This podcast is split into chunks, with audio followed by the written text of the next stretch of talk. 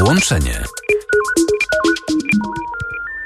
14.26, Jakub Janiszewski przy mikrofonie, a z nami jest Piotr Andrusieczko, korespondent Gazety Wyborczej z Ukrainy. Dzień dobry. Dzień dobry. Ukraina mm, złożyła wniosek e, do Światowej Organizacji Handlu e, w sprawie polskiego, węgierskiego i słowackiego, e, polskiej, węgierskiej i słowackiej blokady importu mm, zboża z Ukrainy.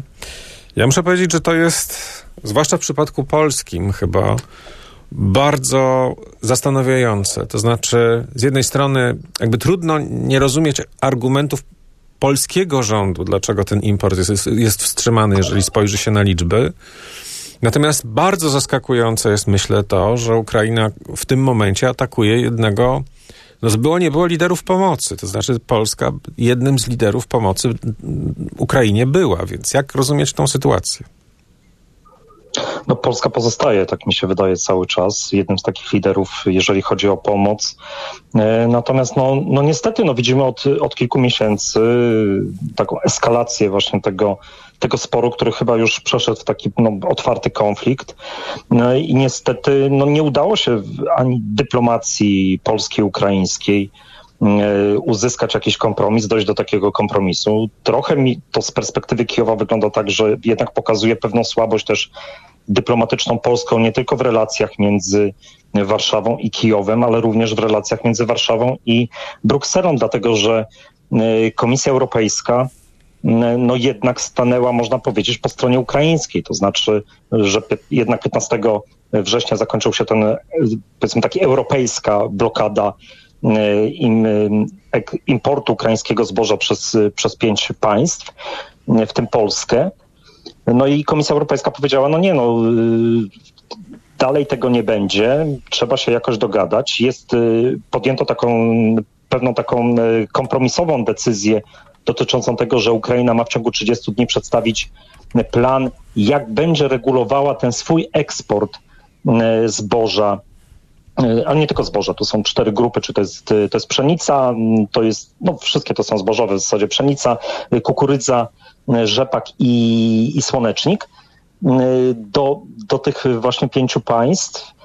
No i Ukraina wysłała taką propozycję do między innymi do Warszawy, natomiast jak ja rozumiem, no Warszawa tej propozycji nie przyjęła. To znaczy, że Ukraina tutaj poinformowała, że będzie starała się jakby wprowadzać pewne ograniczenia, będzie kontrolowała ten eksport e, między innymi właśnie. Ja to wszystko rozumiem i to jakby to jest, to są rzeczy w pewnym sensie jasne, ale spójrzmy na to od strony politycznej. Spójrzmy na to szerzej. Ukraina jest e, kandydatem e, do członkostwa w Unii Europejskiej. Jeśli to członkostwo zostanie jakby przyznane, spełni warunki, wszystkie kraje będą musiały ratyfikować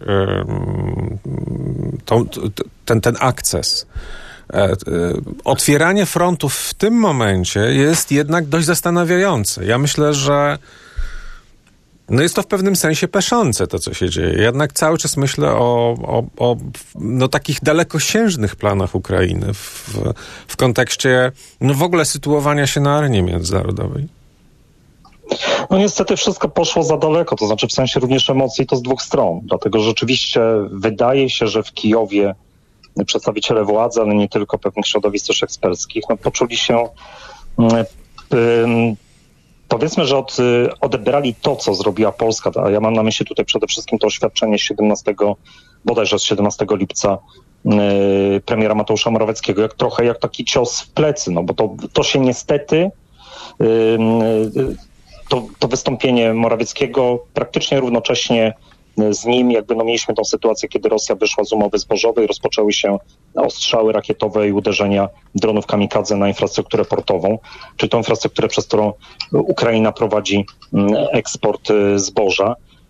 Y, więc tutaj to, no te emocje wydaje się, że niestety nakręciły całą tę sytuację. Tutaj też ja mam takie wrażenie, że Kijów po prostu E, stwierdził, że skoro kompetencje dotyczące polityki rolniczej należą do Brukseli, no to bezpośrednio to, jeżeli Bruksela mówi OK, my jesteśmy przeciwko dalszej blokadzie importu ukraińskiego zboża, no to to jest głos decydujący. A okazuje się, że nie. I to też trochę jest traktowane z tej perspektywy w Ukrainie jako złamanie tej polityki rolnej, która powinna obowiązywać wszystkie państwa europejskie.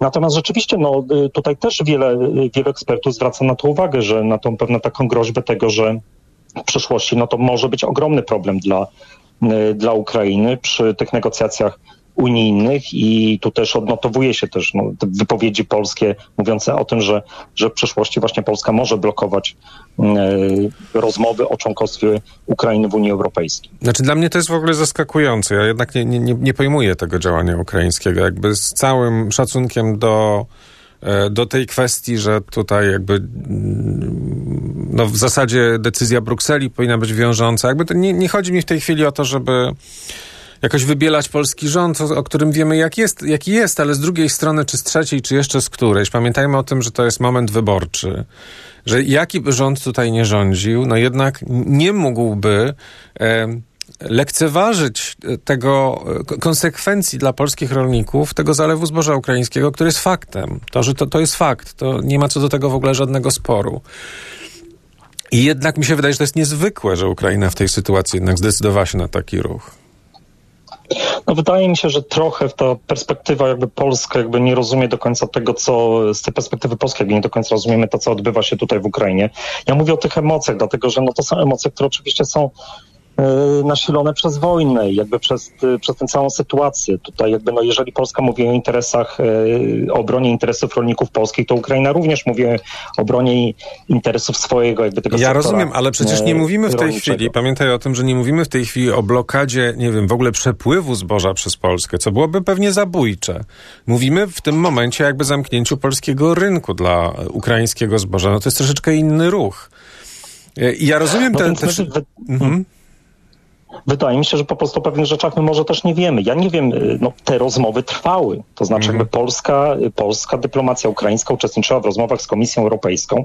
Ja nie wiem, co się stało takiego, że nie, mo nie można było dojść do kompromisu. To znaczy, y, od, z jednej strony nie do końca wiemy właśnie, co się działo po stronie jakby tutaj polskiej delegacji, no, która nie była w stanie ani przekonać, jakby jak widać, ani Kijowa, ani Brukseli, a też nie wiemy, do końca, jakie, co właśnie kieruje tę stroną ukraińską. No, ja się zgadzam z tym, że dla mnie to jest w ogóle katastrofa. Mhm. Szczerze mówiąc, to, co się dzieje, to, co ja obserwuję od, od tych kilku miesięcy w tych, w tych relacjach.